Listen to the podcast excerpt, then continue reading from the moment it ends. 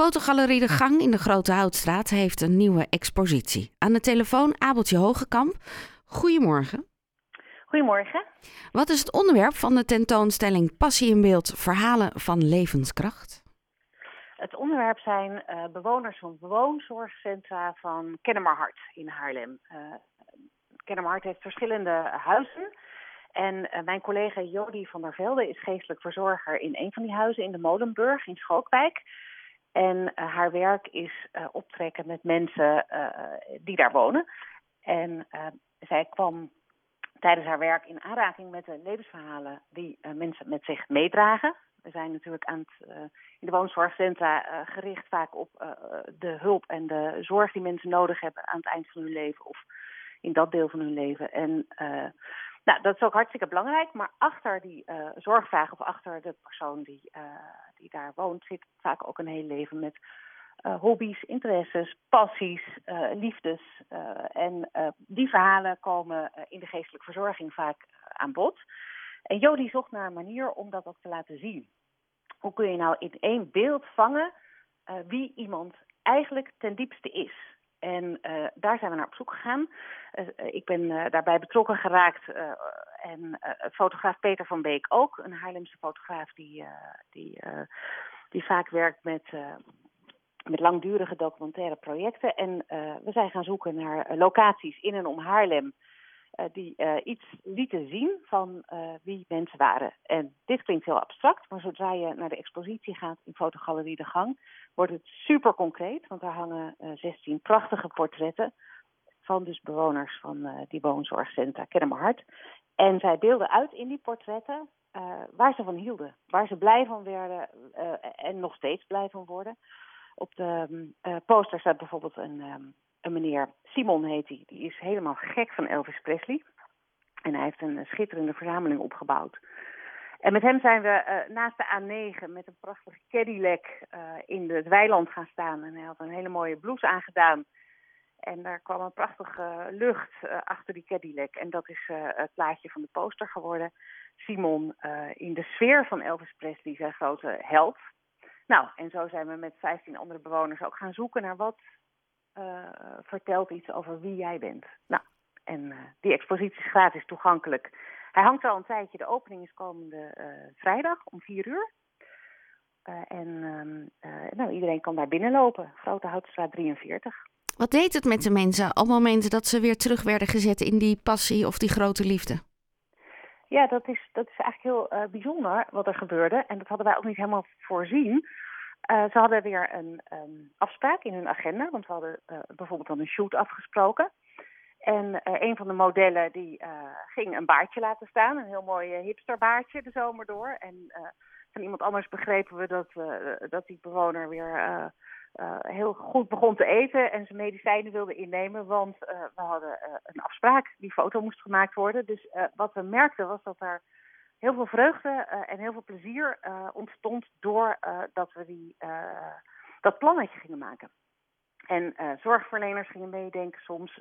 Kinderen, naasten hadden soms ideeën over waar dat dan zou kunnen. Of welke kleren daarbij zouden passen. Of welke attributen bij, bij die foto zouden horen. Dus zo bouwden we met elkaar aan een soort ehm, ja, decor. Wat op geen enkele manier nep is, want het kwam uit het netwerk en uit deze mensen zelf. Terwijl we toch, nou ja.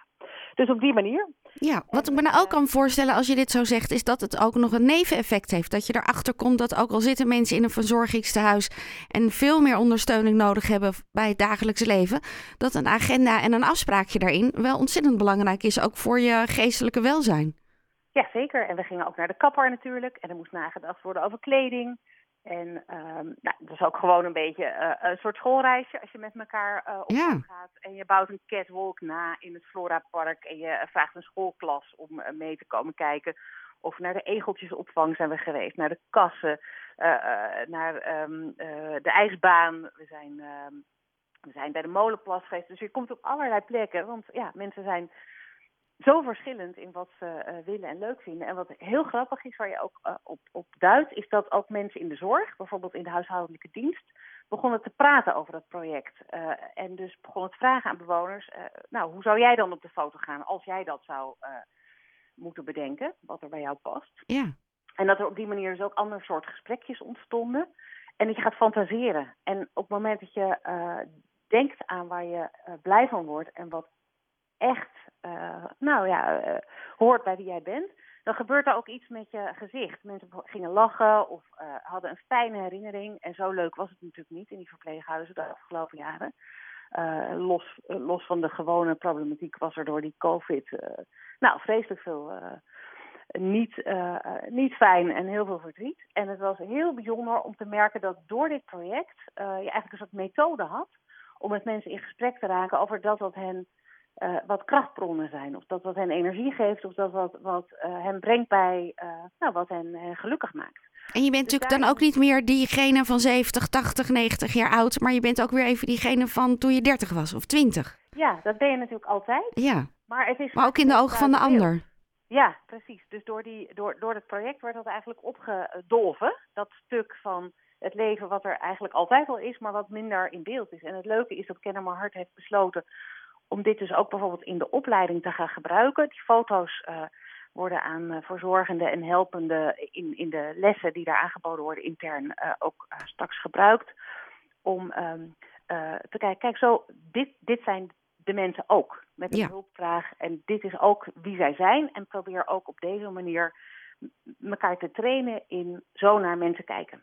Nou, ik, uh, Abeltje, het, het, werd een heel mooi verhaal in ene. Het begint met een leuk idee, maar de uitwerking is veel groter.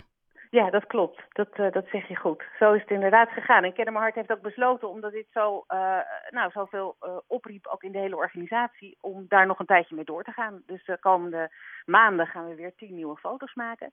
En voor dit moment hangen er dus 16 prachtige portretten in Fotogalerie De Gang in de Grote Houtstraat nummer 43. En vrijdag is de officiële opening, maar ze zijn nu al te bekijken. En voor de website www.fotogalerie.degang .nl. Daar kun je vinden uh, hoe je kunt aanmelden voor de opening.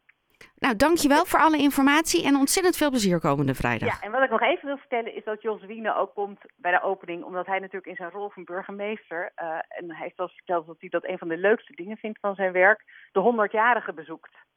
Dus uh, nou, dat, dat deel van zijn werk brengt hem natuurlijk ook met deze groep in contact en nou, hij is erbij vrijdag. Nou, dat maakt het weer helemaal af.